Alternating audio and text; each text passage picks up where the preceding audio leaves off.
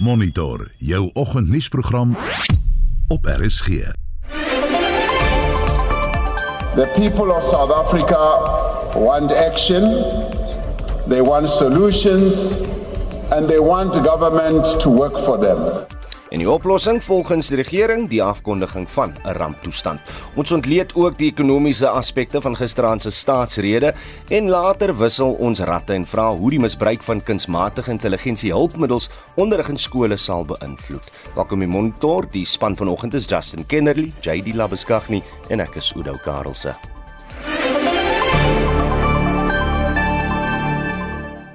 10 minute oor 6. President Cyril Ramaphosa het gister aantydens sy staatsrede ramptoestand oor die kragkrisis afgekondig. Die president sê hy gaan 'n minister van elektrisiteit in die presidentskap aanstel. Die minister sal verantwoordelik wees vir al die aspekte van elektrisiteits van die elektrisiteitskrisis wat ook die werk van die nasionale energiekrisiskomitee insluit. We cannot undo the mistakes that were made in the past. the capacity that was not built, the damage that was done to our power plants due to a lack of maintenance, and the effects of state capture on our institutions. What we can do is to fix the problem today. This should reduce the severity of load shedding as ESCOM will be able to use its diesel run plants when the system is under strain. ESCOM has launched a program to buy excess power from private generators and has already secured some 300 megawatts, also from neighboring countries around us. Ja, kom ons kry nou reaksie by die onafhanklike energiekenner Corneel Skabort. Corneels, Corneels, goeiemôre. Môre Oudo. Ons almal het nou vanoggend onder 'n ramptoestand wakker geskrik. So wat kan nou onmiddellik vandag gedoen word as gevolg van die ramptoestand wat nou nie gister kon gebeur het nie? Vandag niks nie. Dan gaan niks vandag verander nie. Oudo, ek dink mense sou baie naïef wees om te dink vandag gaan iets verander. En ek weet nie noodwendig of 'n ramptoestand nodig was nie. As mens kyk na dit wat aangekondig is en die planne wat aangekondig word, ek dink nie dit regverdig 'n ramptoestand nie. En ek dink die regering se hantering van die vorige ramptoestand was 'n ramp. Hmm. So ek weet nie of hierdie enigsins gaan bydra om die probleem op te los nie. Maar wat ek wel kan sê, die ramptoestand nou op sy geskuif.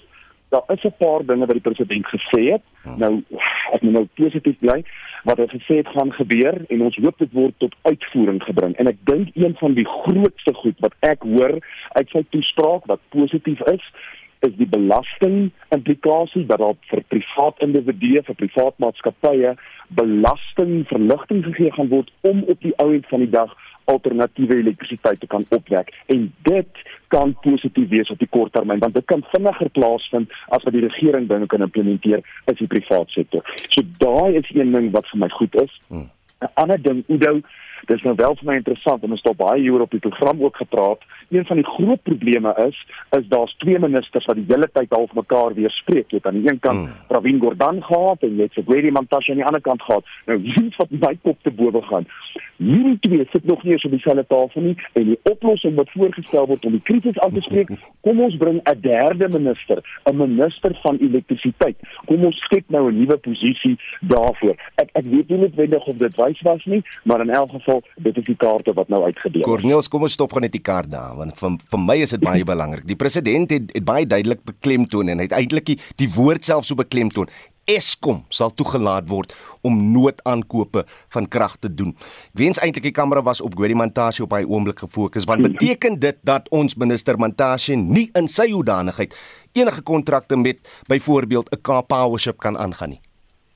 Wel, daar's baie dinge wat jy tussen die lyne kan lees. Ek, ek sal nie sê kaartbelship is heeltemal van die tafel af nie en dit is juist hoekom ek nie baie ten gunste van 'n ramptoestand nie. Onthou met 'n ramptoestand sou mens nou byvoorbeeld kon gaan en 'n klomp regulasies en wette op sy kon skuif om hierdie skepe dan nou by drie van ons hawens vas te meer en al wat mens gaan doen is jy gaan sê ons doen dit onder die opskrif van die ramptoestand. So dan is dit moeiliker om sekere goeder steun te staan. So ek weet nie of hierdie daartoe gaan lei dat dit 'n ramptoestand uh geleide kaartpowership oplossing gaan wees nie. Ek dink wel nog steeds en ek het van die begin af gesê die kaartpowership oplossing werk nie. Die rede hoekom dit nie gaan werk nie is omdat dit gekoppel is aan 'n 20 jaar kontrak en ons kan nie 'n 20 jaar kontrak bekostig nie. So dit sal interessant wees. En uh, ja, dalk dalk dalk is dit die oplossing. Dalk is dit juist hoekom Cyril Ramaphosa om die politiek mooi te speel 'n nuwe minister daar skep dat dit nie nou weer 'n katgeveg is tussen Pravin en Gwede nie en dat hierdie nuwe persoon wie ook al dit gaan wees, gaan interessant is om te sien wie dit gaan wees hmm. wat die leiding dan gaan neem vanuit die presidentskap.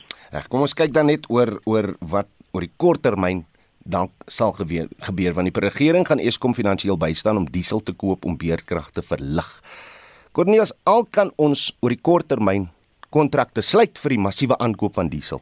Al het ons al die geld in die wêreld om dit te bekostig, kan ons onsself uit beerdkrag uit en ek gebruik hom nou sommer as 'n werkwoord, kan ons onsself uit beerdkrag uit diesel Nee, ons kan nie onsself uit uit diesel nie Oudo, want as jy kyk na hoeveel kapasiteit daar is met hierdie oop siklus gasturbines en ons kyk na die vlak van beerdkrag wat ons beleef, daar's party daar wat ons ver oor daardie fase is. So ons sal dalk een of twee fases, dalk drie as ons gelukkig is, maar ek bedoel ons is die laaste week 3, 4, mens weet nie meer waar jy is nie um, in terme van beerdkrag. So dit dit, dit kan dit dalk verminder teen 'n massiewe koste. Dit wil ek wel net bysê. En op die einde van die dag, wie gaan daarvoor betaal? Wel jy en ek die belastingbetaler. So ja, dit dit kan verligting bring, maar om beurtkrag totaal en al van die baan te skuif? Hmm. Nee. En aan die ander kant moet jy ook weet, ek bedoel ek het gister weer gekyk na wat is die samestelling van die energiebronne. Ons hardloop tans met diesel oopsiektes gasturbines. Nie voluit nie, nie die hele dag nie, maar dit is steeds iets wat gebruik word tans. So mens moet ook weet dat 'n deel word reeds deur diesel voorsien, so daai gaan net addisioneel elektrisiteit vanuit diesel vir ons gee. En nee, ek ek twyfel of dit die hele probleem sal kan oplos. Ehm um, nee, ek dink nie so nie. Nee, o, ons land se meesterplan vir ontwikkeling, ons noem hom maar so. Uh, maak melding van 'n plan vir 19,8 miljoen sonpanele. Dis nou 'n huishoudelike sonpanele. Is ons nou op die punt waar waar die regering nou ten minste planne maak om dit deur te voer want as dit kan gebeur Corneels, gaan dit 'n groot hupstoot wees dan nie. Absoluut, absoluut. Nou as ons meer gebruik maak, onthou net 'n privaat individu kan binne 'n paar maande sy eie stelsel installeer waar die regering vat baie langer om sulke goeder te te voer van hierdie grootte daarvan. Nou uit die aard van die saak 'n groot sonplaas is baie meer effektief in terme van koste per kilowattuur as 'n privaat individu, maar ek glo op die korttermyn kan dit help om dan 'n verbruik te verlaag van Eskom af en dan uit die aard van die saak om uitset ook daar te bied. Nou wat wel interessant is net sou wie net wel noem en dit is een ding wat ek wil noem want ons sien dat byvoorbeeld in Kaapstad van dit sluit aan by jou vraag waar daar nou voorsiening gemaak word vir individue om ook hulle surplus elektrisiteit te verkoop aan 'n stad soos Kaapstad. Maar nou is daar weer 'n ander probleem. Jy het spesifieke meter nodig om dit te kan doen. En daardie meters beloop etlike duisende rande en dan's mense byvoorbeeld in 'n plek wat hulle sê luister dit, dit is bloot nie ekonomies haalbaar. Ek kan 'n sonpanele opsit, hmm. maar vir my om daai krag terug te verkoop is so duur want ek moet 'n spesiale meter installeer. So daar's 'n uitdaging en ek hoop die regering kan dit op 'n manier subsidieer of bystaan, maar daar is hordes individue en besighede in Suid-Afrika wat sit reeds met panele soos jy en ek met mekaar praat, wat sit met surplus elektrisiteit soos jy en ek met mekaar praat wat definitief verligting kan bring letterlik as daar net uh, subsidies sou wees vir aanmeters en as die wetgewing verander. Onthou alle munisipaliteite laat jou nie toe om surplus elektrisiteit terug te stoot in die netwerk nie. Soos daardie aangespreek kan word hmm. onder die opskrif van die ramptoestand, dan kan dit op die kort termyn baie beslis verligting bring. Laaste vraag en is 'n breër vraag en en is iets wat my bekommer. Hoe lank gaan hierdie ramptoestand duur want Ons weet wat aangaan met beerdkrag, wat ons kragkrisis is. Hierdie hierdie ding kan vir jare kan, kan hy hou, dan nie? So ons het onthou jy toe ons begin het met die hm? ramptoestand toe was dit 3 weke gewees. Onthou jy dit was net 3 weke wat ons almal die land so toegemaak het en daai 3 weke het ontaard in etlike maande. So ehm um, Udo ek eh, ek wil jou ondersteun. Hierdie kan duur so lank as wat die kragkrisis daar is. Nou as die regering se woord daarvoor vat, dan is die landtoestand net vir 12 na 18 maande nodig. Maar as dit regtig daar is om die totale krisis op te los, dan is die ramptoestand met ons vir 2 jaar plus. Die onafhanklike energiekenner Corneel Skambort, maar jy dankie vir jou tyd hier op Monitor. Die begin van die president uh, se sewende staatsrede het aanvanklik in chaos ontaard toe die EFF die verhoog waar die president en die spreker gesit het bestorm het. Ramaphosa kon egter na 'n uh, op oponthou van meer as 40 minute met sy staatsrede begin. Vir 'n ontleding van die vernaamste punte sluit 'n ekonom van die Noordwes Universiteit, professor Waldo Kriel en die dekaan van die Huguenot College skool vir sosiale innovasie, professor uh, Erwin Schwelle by ons aan. Erwin, goeiemôre. Goeiemôre, hoe dan? Kom ons begin eers met jou. Die uh, EFF het vanjaar verder gegaan as voorheen om die verrigtinge te ontwrig, maar stem jy saam met die spreker dat hulle die lewe van die president, uh, president dalk in gevaar gestel het? Ja, mens moet ten minste die aanname maak dat ehm um, die parlement se waardigheid en die president se uh uh in 'n sekere sin sy sekuriteit moet uh definitief prioriteit kry. En um, die EFF het 'n uh, politieke motief met hulle optrede. Uh hulle is 'n party wat waarskynlik 'n perk het op hulle moontlike groei en ek sou daai perk inskat so op ongeveer 15% maksimum. Hmm want 'n groot gedeelte van ons land se bevolking is nie deel van hulle belangegroepe nie en gaan nie vir hulle stem nie. So hulle begin met 'n kleiner som waar uit hulle uiteindelik steun kan kry. En wat hulle dan moet doen is om met 'n maksimum soort van geagiteerde propaganda hulle teenwoordigheid te bewys en op een of ander manier hulle relevantie op die manier te vertoon. En as hulle dit dan ten koste doen van ons grondwetlike demokrasie alhoewel hulle binne die grondwetlike demokrasie funksioneer, kan dit nie verdra word nie. Dit is net iets wat op een of ander wyse 'n um, perverse uh, stel praktyke is wat uiteindelik bitter min te maak het met beginsel, maar eintlik 'n groot mate van belange aan hulle kant probeer vertoon om op die korttermyn voordeel te kry uit die publisiteit. So ja, um, ek dink uh, daar word eintlik selfs voor die tyd hmm. ehm um, um, meer proaktiewe optredes te wees om hierdie soort van gedrag wat eintlik op een of ander manier ehm um, totaal onaanvaarbaar is te beperk en te beheer. Professor Kriegel, ek sê vir jou goeiemôre.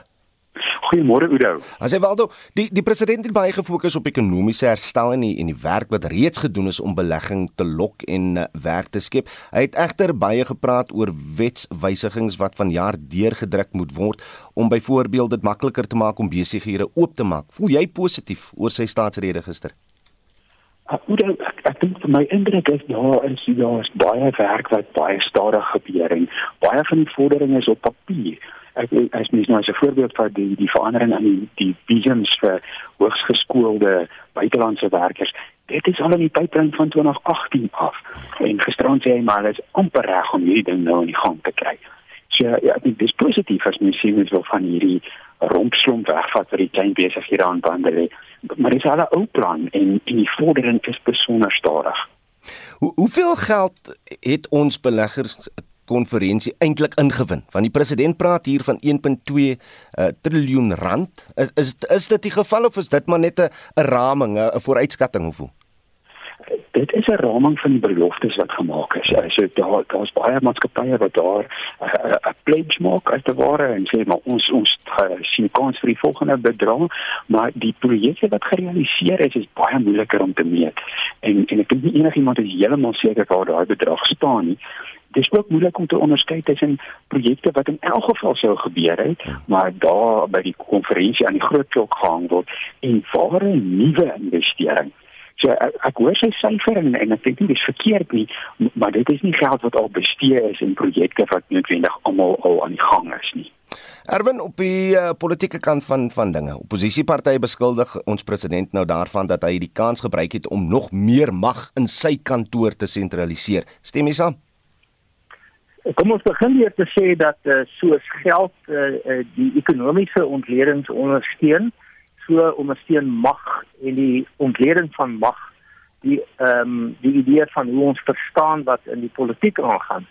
Nou wat ons hier gesien het is eintlik 'n interessante as ek nou indrukke moet gee. Hmm. Hier is 'n groter mate van eerlikheid uh, en minder oorverblindery oor die aard en omvang van die politieke en ekonomiese krisis in ons land. So die, die president het daarvoor eintlik voorsiening gemaak en 'n mens moet hom daarvoor erkenning gee.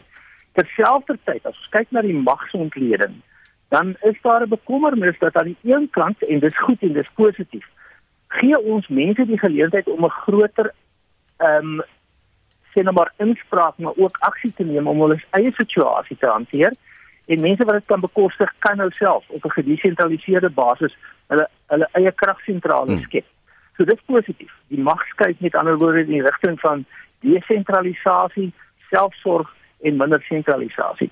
Aan die negatiewe kant skep ons 'n ramptoestand en dis interessant eh uh, ehm uh, Kniels Skabort se punt van nou net was uitstekend.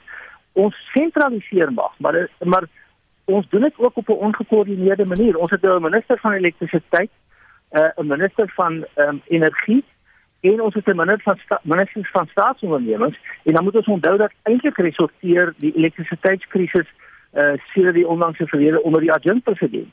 So hier het ons nou vier magshebbers op die sentrale vlak in die presidentskap en die mag skuif eintlik op.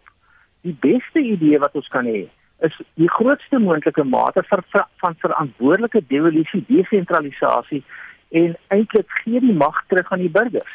So as ek 'n magsanalise gaan maak van die van die van die Sona is dit 'n gemengde beeld. Hmm. Aan die een kant laat die tegnologie ons toe om mag te desentraliseer, maar daar is 'n soort ideologiese ehm um, verslawing aan magsentralisasie met die met die ANC as regering. Dit is hulle sterkste ideologiese standpunt en as hulle 'n verstek opsie neem, gaan hulle altyd uiteindelik mag sentraliseer en ek dink dis tot die nadeel van die publiek en tot die voordeel van die party. Waldo laaste woord aan jou is daar iets waarop die president eintlik moes fokus maar nie gedoen het nie.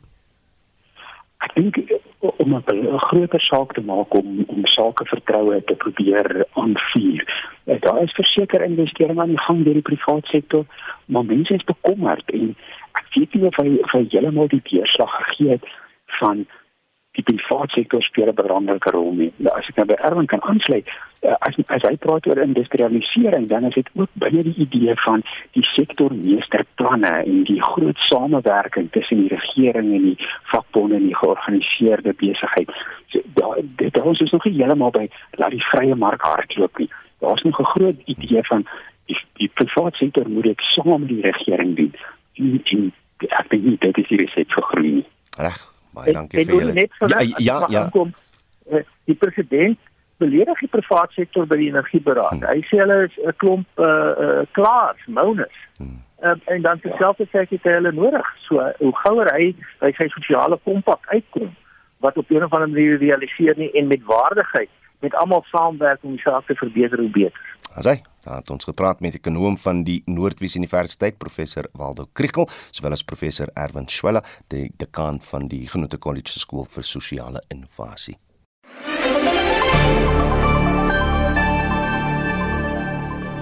Verskeie skole wêreldwyd het die gebruik van die ChatGPT kletsbot verbied uit vrees dat studente die kunsmatige intelligensie hulpmiddel sal misbruik om hul skoolwerk te doen. Plaaslik het die adjunkuitvoerende hoof van FETSAS, Rian van den Berg, ook sy bedenkinge, hoewel hy steeds optimisties is. Rian, goeiemôre. Môre. Selfs al wil wou ons 'n verbod plaas op die gebruik van ChatGPT in Suid-Afrika, het ons onderwysers die vermoë om te bepaal of 'n opstel of ander skoolwerk deur hierdie kletsbot gedoen is of nie.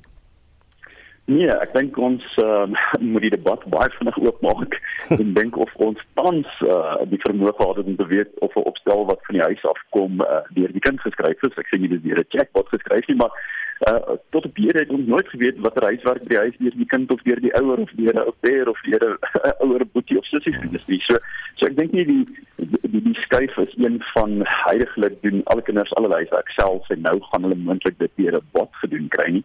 Uh ja, ek dink die die, die gesprek is nog in sy kinders skoene en ek dink onderwysers uh, is bietjie uitgedaag oor hierdie situasie. Waaroor is jy spesifiek bekommerd as dit kom by kunsmatige intelligensie? Ja, ja, ek dink my my bekommernis lê nie noodwendig in die uh speelveld waar die universiteite internasionaal en skole internasionaal die die chatbot begin verban het nie. Uh, my bekommernis is die feit dat ons miskien so 'n bietjie stadig is om te reageer op nuwe innovasie en ontwikkeling in die uh, onderwyssektor.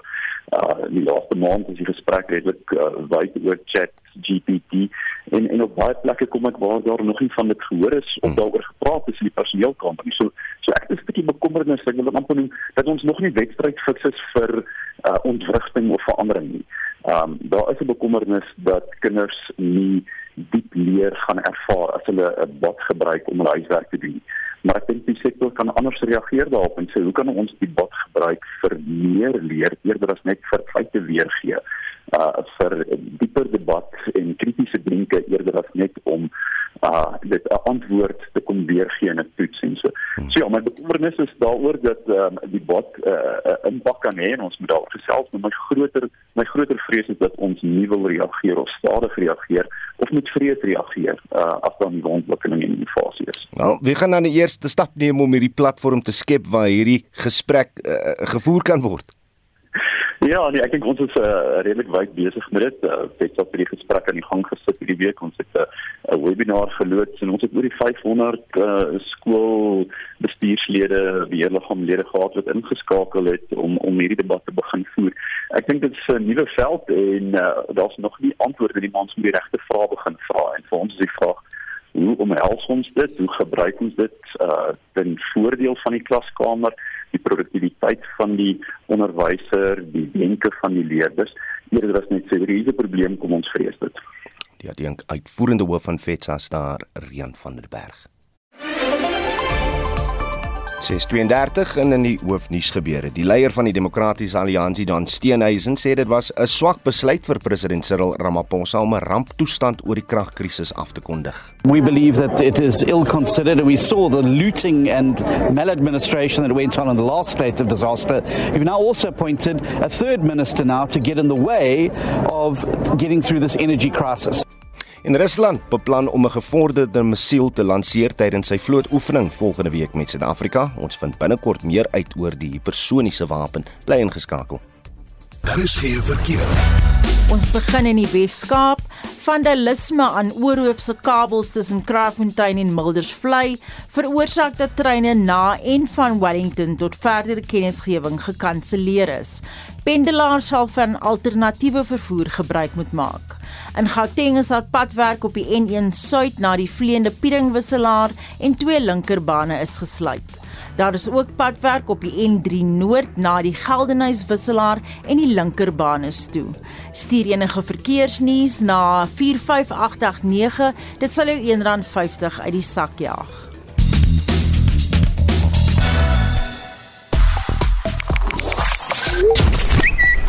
Praat vanoggend oor uh, die ramptoestand wat deur ons president gisteraand in sy staatsrede verklaar is en die feit dat dit nou ook teweegbring dat Nkosazana uh, Nkosazana Dlamini Zuma na vore tree as die persoon wat die ramptoestand staal om sal bestuur. Hoe voel jy daaroor? Hoe voel jy oor die skuif? Hoe voel jy oor die ramptoestand? Dit is wat van julle te sê gehad het op ons WhatsApp lyn. Die probleem is die mense wat die ramptoestand afgekondig het, is die ramp Ek uh, is glad nie beïndruk met die president se toespraak nie. Ons hoor hierdie soort beloftes al vir byna 29 jaar en dit word elke jaar net groter en beter en daar kom nooit iets daarvan nie. Ons wil net graag weet of meneer Maposa binne 6 maande al hierdie beloftes van hom wat hy gemaak het sal kan deurvoer want die mense glo hom nie meer nie. Dis maar net beloftes voor die verkiesing. Ek is bekommerd oor die ramptoestand dat dit dalk misbruik kan word om alle omgewingswetgewing en regulasies op te hef op 'n manier sodat Eskom die lug kan besoedel en die water kan vuil maak.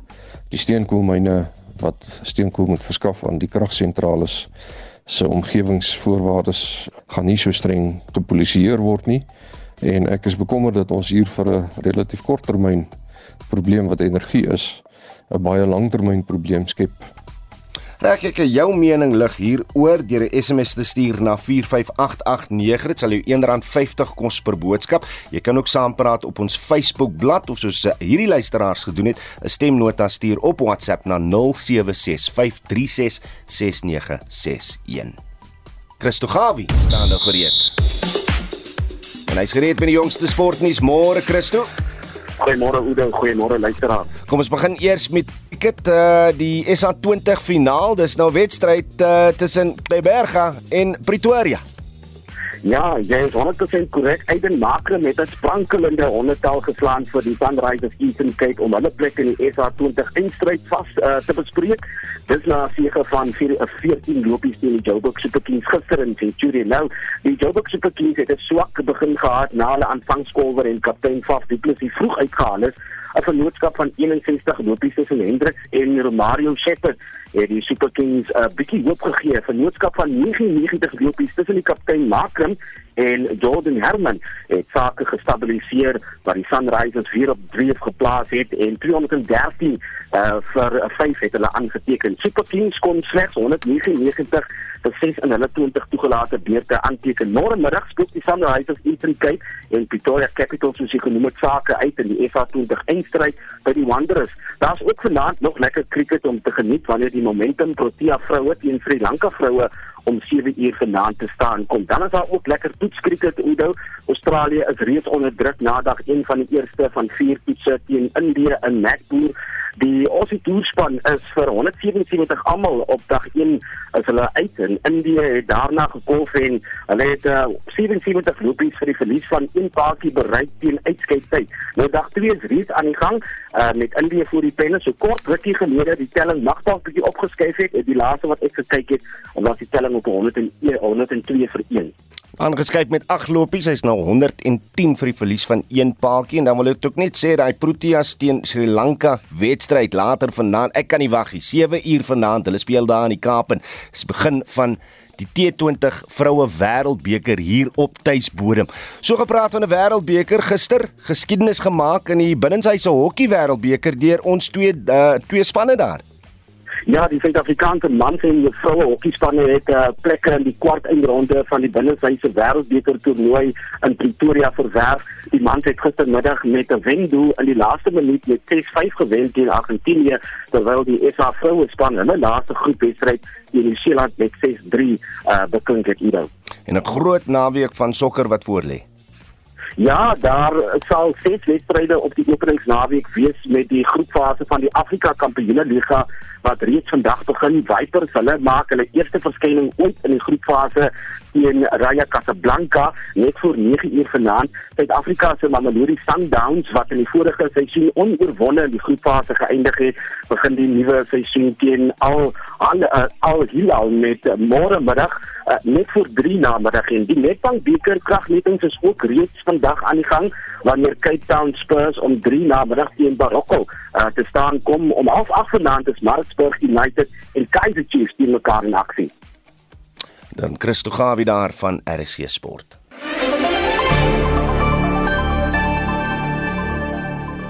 Reddingspogings gaan onverpoost voort na die Komani Dam in die Oos-Kaapse Walle Woensdag oorstroom het. Ons praat nou met Gift of the Givers se provinsiale koördineerder in die Oos-Kaap, Corin Konradi. Corin, goeiemôre. Goeiemôre en goeiemôre aan al die luisteraars. Wat het oornag gebeur sedert jy gister met reddingspogings begin het? Dit lyk daarom asof die reën so 'n bietjie bedaar het, uh, ja. Maar um, Evalageni is baie erg geraak. Dit is nou al daar die uh rural villages. Soos ons verneem het van die rampbestuur het twee br brugte in een gestort en 227 huise is al reeds ontruim.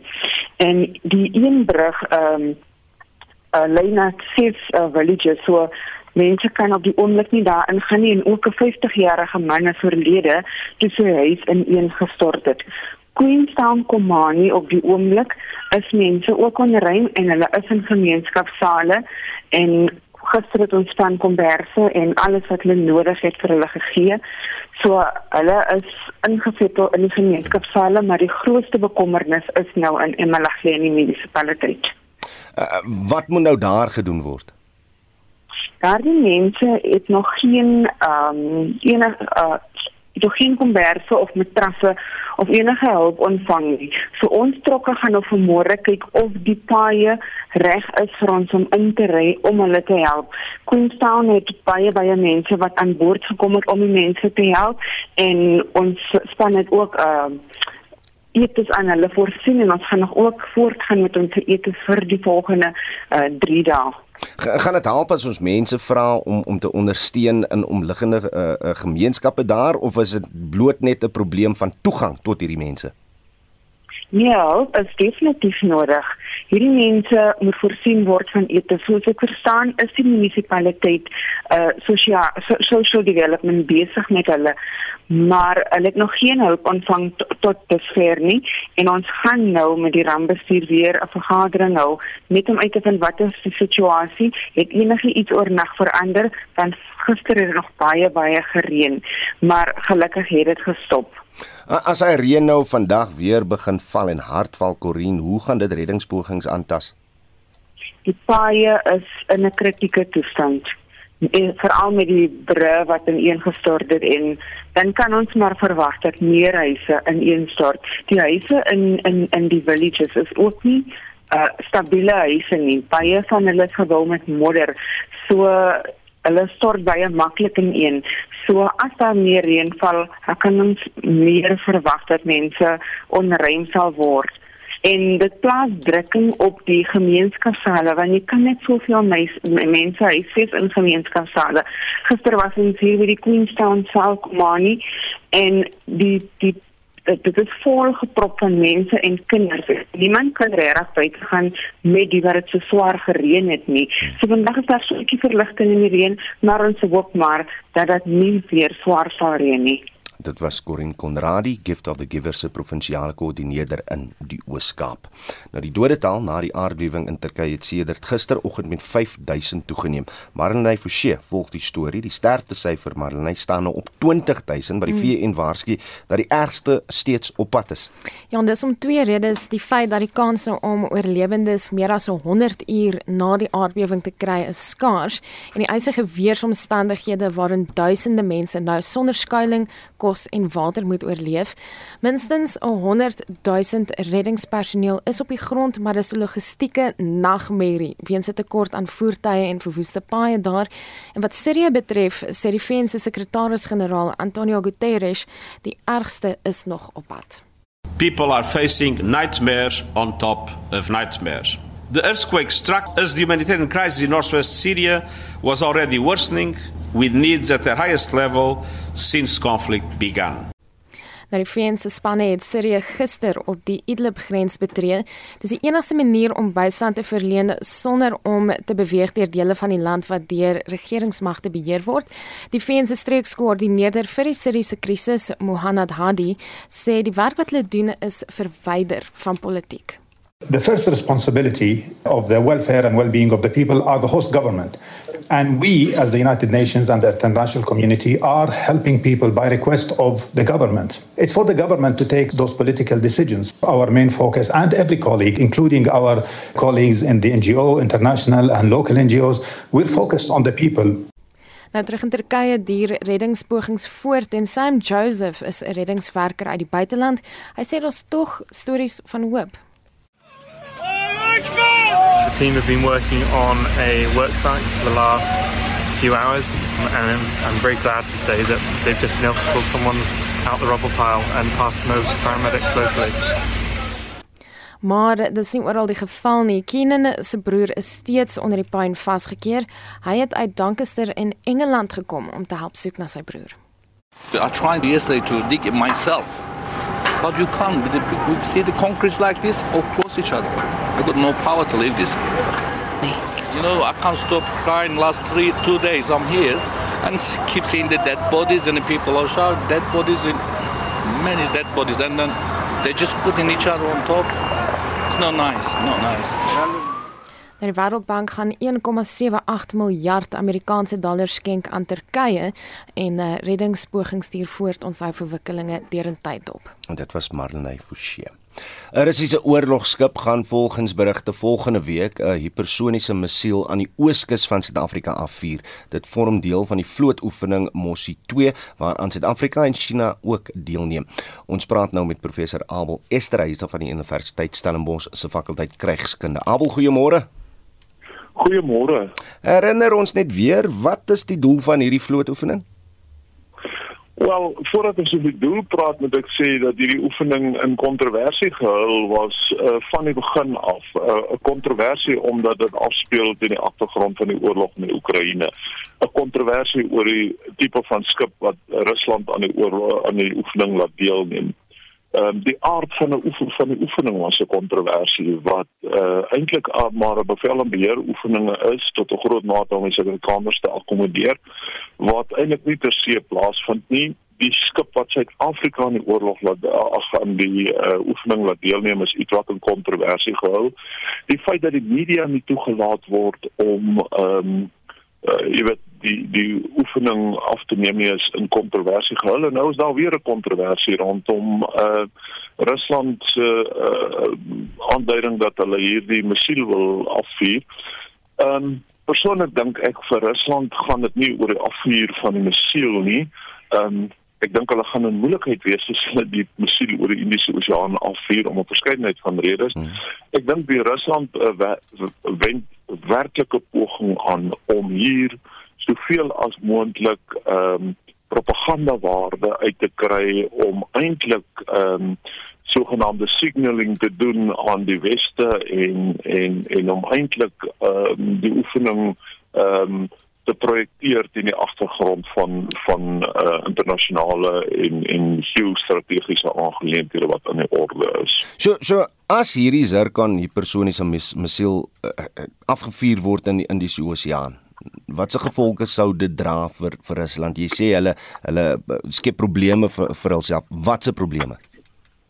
Uh kyk dis dis 'n mens moet daarom redelik ehm um, uh, toestemming kry by 'n verskeidenheid van uh instellings om uh hierdie tipe van missiel af te vuur want was geweldig baie skeepsverkeer in die in die Indiese Oseaan. Uh Ehm um, so dis nie net die uh, gaan nie net oor die afvuur van die missiel nie. Jy moet daarom die missiel afvuur in 'n area wat redelik veilig is. Ehm um, en dan moet mense in gedagte hou, jy weet, eh uh, Indië ehm um, en en China het baie belang by wat in die Indiese Oseaan streek aan die aan die orde is. Ehm um, en ehm um, so hier hier hier kan selfs internasionale ongemaklikhede uit die die die aanvuur afvuur van die missiel uit en dan voorkom natuurlik die aard van die missiel dra in homself ook kontroversie omdat dit uh, so kragtige missiel is omdat dit so 'n uh, eh, gevaarlike missiel is eintlik so daar's weer eens ehm, 'n um, hele uh, lys van kontroversies wat uit die afvuur van die missiel uit kan kan uh, voortspruit Sonder dit was professor Abel Esterhuis van die Universiteit Stellenbosch se fakulteit krygskunde. Inwoners van die Parel en Wellington is onlangs getuister deur 'n ongewone stinkreuk wat oor sekere dele van die gebied gehang het. Na aanleiding hiervan gesels dokter Willem Botha vanoggend oor die rol van ons sintuie. Dokter Botha is natuurlik die voormalige hoofredakteur van die Woordeboek van die Afrikaanse taal. Môre Willem. Goeiemôre Oudo. Ons praat nou oor die sintuie vanoggend en nie weer oor stinkvoete nie, né? Nee, Oudo, die die Drakenssteiners, dis nou die mense van Wellington en die Parel en omliggende gebiede. Uh was hulle voete baie mooi skoon. Maar inwoners uh, van die twee dorpe het gekla dat toe deure en vensters nie eers die verskriklike reuk uit hulle huise kon hou nie. Die hoofverdagte was aanvanklik die krematorium in Daljosefat wat voorheen die oorsaak was van klagtes oor 'n slegte reuk in die twee dorpe. 'n Ondersoek het egter getoon dat 'n veldbrand na die verouderingsdamme van die afvalwaterbehandelingsaanleg van Wellington versprei het. Nou ja, en 'n wondermis was die oorsaak dalk die spreekwoordelike iets in die drinkwater. Die brandweerdiens is ontbied en duisende liters water en daarna skynlaag is op die oppervlak van die dam gespuit waar te vergeefs. Die brand het hoofsaaklik onder die oppervlak gesmeel en die brandweerdiens het toe daarin geslaag op vernuftige wyse om die brand onder die oppervlak te blus. En dit was dan ook die einde van die hardnekkige stank. Terloops, het jy al gewonder hoekom ons van 'n brandweer praat? 'n Brandweer is 'n samestelling van brand en weer. En daardie weer beteken om te keer, om af te keer, om te te hou en dis dieselfde weer van noodweer om iets uit noodweer te doen om die nood af te wend en die weermag die weermag is 'n mag wat moet keer wat met toe.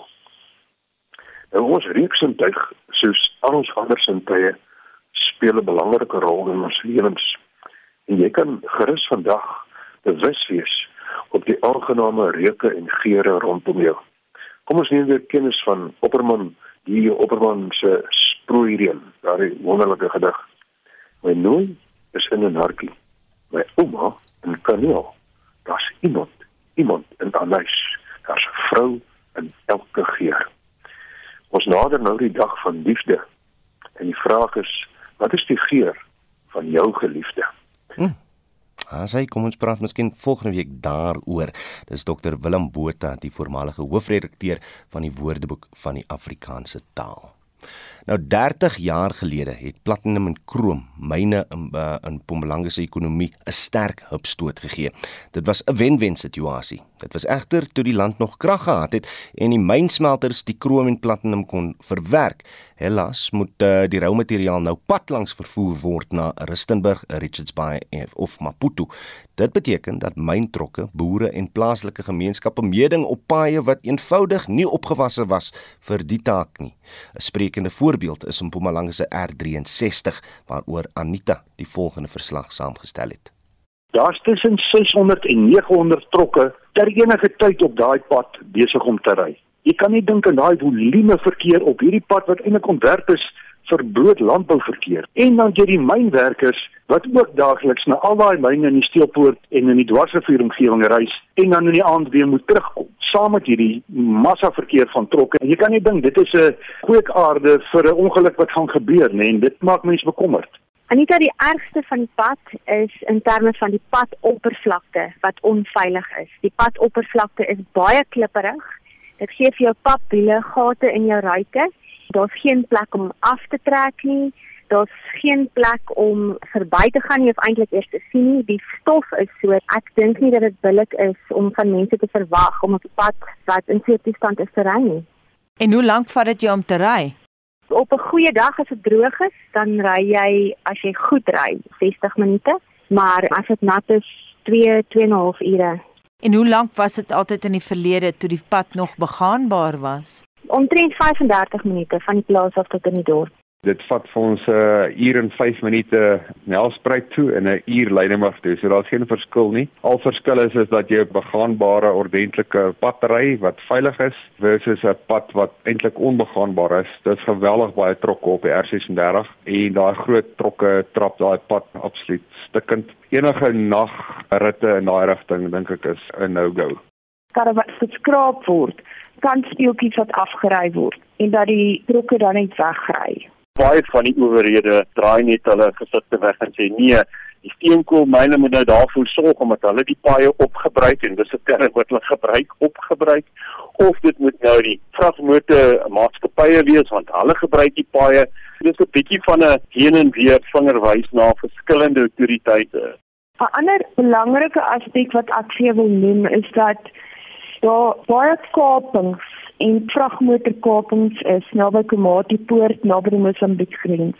Die kapers kom terug op die N4 en draai in 'n Johannesburg rigting regs op die Badfontein pad en kom versteek dan die trokke daar. En dit is dan waar hulle die bestuurders van die trokke aanval want hulle weet die verkeer polisie kom baie moeilik op daardie pad uit selfs hulle voertuie is nie geskik om regtig daai pad te ry nie. En ek alleen het seker al sewe kapingsstories net daai omstandighede die afgelope jaar geskryf. Party van die provinsies is geneig om dit te doen, Limpopo het dit wel gedoen, Mpumalanga is nie geneig om sy paaie vir Sanral te gee nie, verkies homself die kontrakte toe te ken. Daar is herbouprojekte aan die gang, soos jy op die oomblik weet, maar te laat en die kwaliteitsstandaarde is nie na wense nie en dit moet van die provinsie se kant af kom, maar daar's nie insentief vir hulle om dit te doen nie. Hulle gaan maar net aan. Is daar bedrog? Ek wil dit glad nie wil probeer voorsien nie, veral nie oor die lig nie. Vir meer hieroor, luister môre tussen 12 en 1 na Anita se spesiale verslag oor Mpumalanga se berigte R36. Sona 2023 is die gewildste hitsmerk op Twitter nadat die EFF gister vir groot konsternasie gesorg het. Dan praat mense ook oor president Ramaphosa se aankondiging dat 'n nuwe dat 'n nuwe minister van elektrisiteit in die presidentskap aangewys is. Reg nou, ons het almal wakker geskrik vanoggend in 'n land wat in 'n ramptoestand verkeer. Die persoon wat hierdie ramptoestand sal bestuur is die eh, minister van samewerkende regering Kossazana Dlamini Zuma. Nou ons het gevra vanoggend, hoe voel jy oor die ramptoestand? Hoe voel jy oor die feit dat uh, hierdie minister nou die skuif gaan maak om die ramptoestand te bestuur? Op Facebook sê Gregory eh, Skubots, ag regtig, sy weet niks van bestuur nie. Dis 'n politieke toertjie om beheer te neem oor meer van die belastingbetalers se geld. Ons praat in sirkels rondom die regering se gebrek aan vermoëns. In kort, hulle uh, al geen idee, hulle het geen idee wat om al aangaan nie. Die ANC kan nie bestuur nie. Hulle bly 'n revolusionêre organisasie. Kleintjie Kaat sê, "Hoe werk die storie dan nou met Sasol?" Ek weet nie kleintjie, maar ons kan val ondersoek instel. Hilda Ronetta Smit sê, "Hy vriend, uh, daar was nou die dag gesê op sosiale media dat beerdkrag eers na 12 maande afgeskaal sal word. Hoekom is Suid-Afrikaanse landsburgers so lank wag?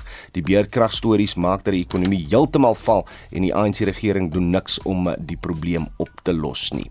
Uh Stef Ferreira sê, "Gaan sy nou vir ons koplampies voorsien?" Uh Tia Guelaum sê, "En Kossazana Lemini Zuma beteken net moeilik moeilikheid, onkunde. Sy moet by die huis bly en gaan snyf saam haar vriendinne.